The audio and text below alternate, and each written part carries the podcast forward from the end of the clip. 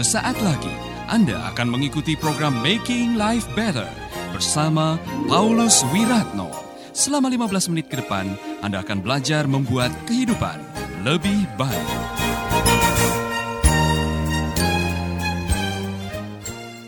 Saudara pendengar yang dikasih oleh Tuhan, hari ini saya sungguh berbahagia karena saya bisa menjumpai Anda semua di acara Making Life Better yang selalu bikin hidup lebih baik. Hari ini saya ingin uh, mengajak saudara merenungkan kembali kebenaran firman Tuhan sama seperti apa yang saya bahas pada hari yang sebelumnya. Kita masih dalam seri betapa indahnya, betapa bahagianya hidup dalam kebenaran firman Tuhan. Dan berkali-kali Alkitab mengatakan, berbahagialah, berbahagialah. Ternyata hidup bahagia ini tidak terlalu sulit. Rahasia untuk menemukan kebahagiaan tidak terlalu sulit kalau kita sudah menemukan rahasianya. Saudaraku, di dalam Alkitab, khususnya di dalam kitab Mazmur pasal yang 119 Saudara akan menemukan ayat-ayat yang mengajarkan kepada kita bagaimana caranya supaya bisa hidup bahagia. Amin. Saya akan membacakan dari Mazmur pasal yang ke-119 ayat 1 mulai. Berbahagialah orang-orang yang hidupnya tidak bercela, yang hidup menurut Taurat Tuhan. Ini penting sekali saudara-saudara. Hidup spotless, tidak ada celah, hidup lurus, hidup bersih, hidup yang uh, barangkali membuat kita bangga dengan kehidupan kita karena kita tahu bahwa kita hidup tidak ada celah, tidak ada noda. Nah, memang kita harus mengakui Mungkin kita akan mengajukan pertanyaan, mana mungkin ada orang yang hidup tiada celah? Kita ini manusia biasa, Pak yang kadang-kadang kita punya kelemahan dan kadang-kadang kita melakukan kesalahan. Kita juga manusia biasa, Pak. Saya mengakui memang saudara-saudara. Saudara manusia biasa, saya manusia biasa, kita semua masih bisa melakukan kesalahan, kita semua masih bisa barangkali berpikir negatif terhadap orang, kalau kita disakiti, kita masih punya niat untuk menyakiti. Kadang-kadang kita menyimpan dendam dan kepahitan dan sulit untuk kita bisa menghilangkan semuanya itu. Kita akui, memang yang namanya manusia, kita punya keterbatasan. Tetapi kalau kita punya niat untuk kita hidup tanpa celah, hidup tidak nabrak-nabrak, akhirnya kita bisa menikmati hidup ini. Begini saudara, kalau saudara membaca 119, saudara akan menemukan sepanjang ayat-ayat ini, pemazmur sedang menggambarkan betapa indahnya hidup menurut ketetapan-ketetapan firman Tuhan. Karena ketetapan firman Tuhan itu adalah rambu-rambu. Sama seperti waktu kita uh, menyetir di jalan, di jalan tol atau di jalan umum. Waktu saudara setir atau naik motor, saudara harus mengikuti rambu-rambu. Rambu-rambu itu dibuat oleh Polantas supaya kita bisa berjalan dengan baik, supaya kita bisa sampai di tempat tujuan dengan aman, supaya kita bisa menikmati perjalanan dengan baik. Rambu-rambu itu dibuat bukan untuk Pak Polisi. Rambu-rambu itu dibuat buat kita semua. Kalau kita menjalankan mobil kita, mengemudikan mobil kita dengan mengikuti rambu-rambu, pasti ujung-ujungnya kita bisa menikmati kehidupan kita. Ya, sama dengan firman Tuhan. Kalau Tuhan memberikan ayat-ayat ketetapan-ketetapan dan Tuhan mengatakan jangan menyimpang ke kanan atau ke kiri.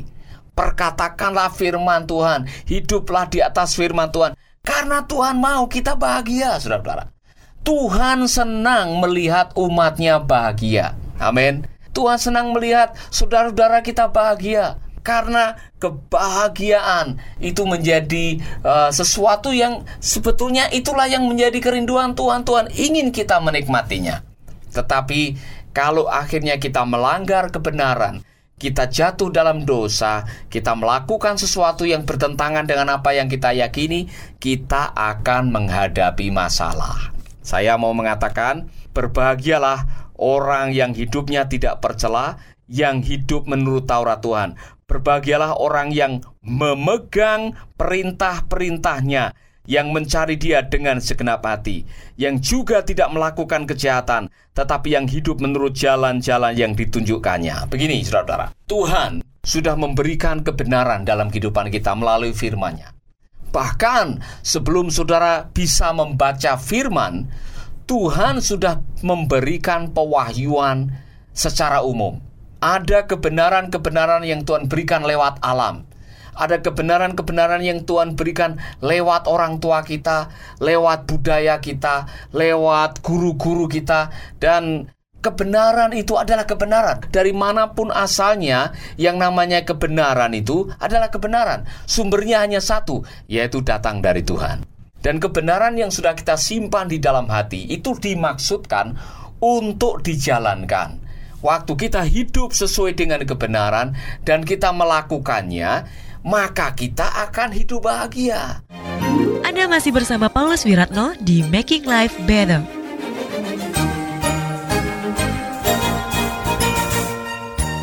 Ketika kita tidak menjalankan, roh kita akan menuduh. Nah, begini, di dalam setiap hati manusia itu ada yang namanya hati nurani.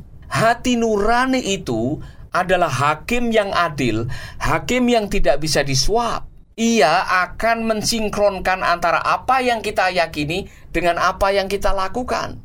Kalau kita melakukan sesuatu yang bertentangan dengan kebenaran yang kita yakini, nanti hati nurani kita ini akan konslet. Contoh, saya punya pengalaman. Pada waktu saya masih SD di sekolah dasar, saya pernah kelaparan. Dan karena saya kelaparan, saudara-saudara, saya mencuri salah milik seseorang. Dan akibatnya apa yang terjadi? Hati nurani saya konslet dan saya harus uh, bermasalah dengan hati nurani saya. Itulah sebabnya saya harus belajar sesuatu. Saya harus belajar betapa pentingnya mendengarkan suara hati. Karena waktu saya sakit, bukan karena masalah salahnya, sakit oleh karena rasa bersalah yang saya tanggung ini. Tidak bisa tidur, deg-degan, takut ketahuan. Rasa bersalah itu kalau dibiarkan lama, akhirnya akan menyiksa kita. Nah, saudara-saudara, itulah sebabnya hiduplah sesuai dengan ketetapan firman. Jangan melakukan hal-hal yang berlawanan dengan apa yang kita yakini yang membuat hati nurani kita konslet. Ini contoh yang paling jelas. Saya ketemu dengan seorang pemuda dari Singapura yang namanya Edwin Chua. Edwin Chua ini masih umur 33 tahun sudah menjadi manajer pemasaran alat-alat pendingin untuk supermarket dengan wilayah pemasarannya di Asia. Oh, saudaraku, dia begitu bangga dengan apa yang dia dapatkan. Dia begitu bangga dengan jabatan, dengan profesi. Dia begitu bangga dengan apa yang dia terima setiap bulannya. Dan dalam situasi membanggakan apa yang dia raih, tiba-tiba dia mengucapkan kalimat ini yang saya begitu tertarik. Tapi Pak, saya punya masalah. Saya tanya masalahnya apa? Telinga kanan saya budek katanya. Nah, saudara-saudara, waktu saya mendengar telinga kanannya budek, saya langsung bertanya, Apakah sudah pergi ke dokter? Sudah, Pak. Saya pergi ke dokter ke Singapura, saya juga pergi ke dokter di uh, Bali, saya bahkan sempat ke Amerika untuk periksa.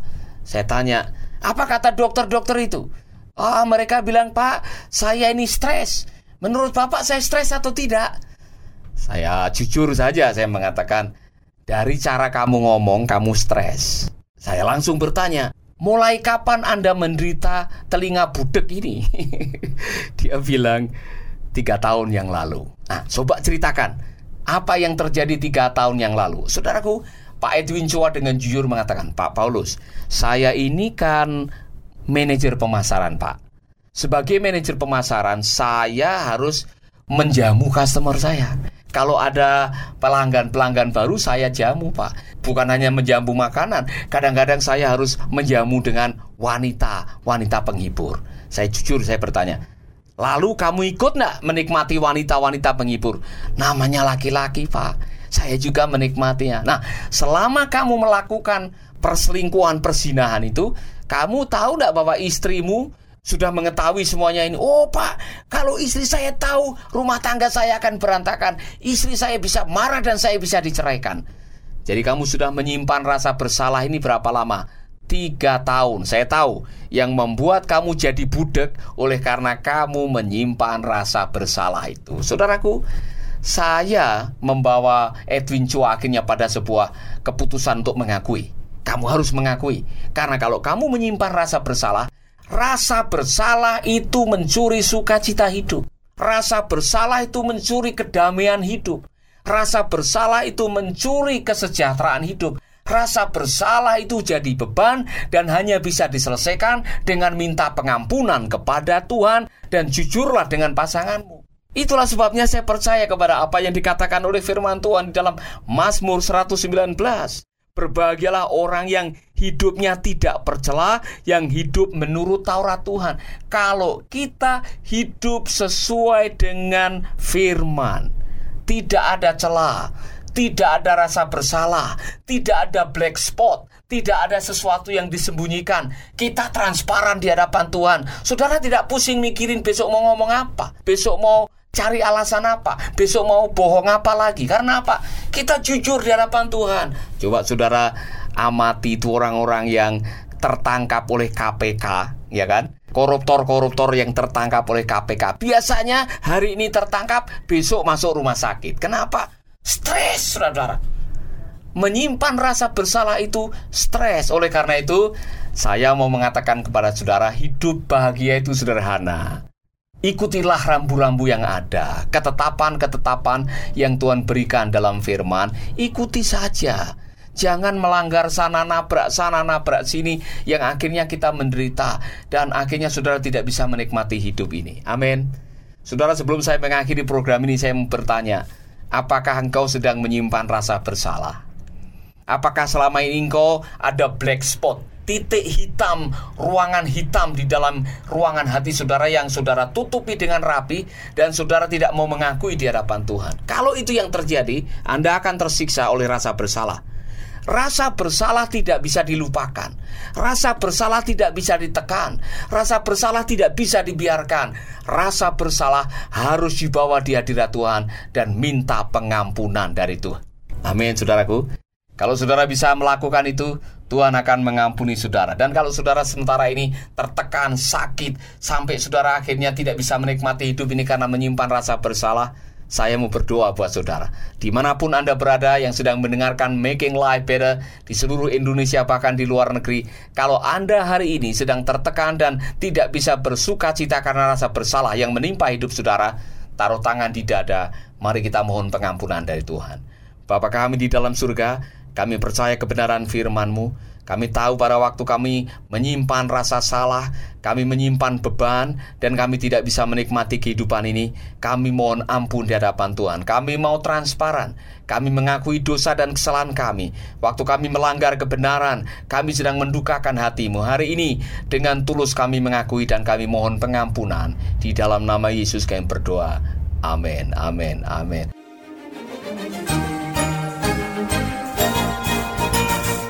Baru saja Anda mendengarkan Making Life Better bersama Paulus Wiratno. Jika Anda diberkati, kirimkan kesaksian Anda ke Radio Dian Mandiri Jalan Intan LC2 Gang 4 Nomor 1 Denpasar, Bali. Kunjungi website kami di www.pauluswiratno.org Facebook Paulus Wiratno. Hubungi kami di 081 338 665500 Sekali lagi 081 338 665500.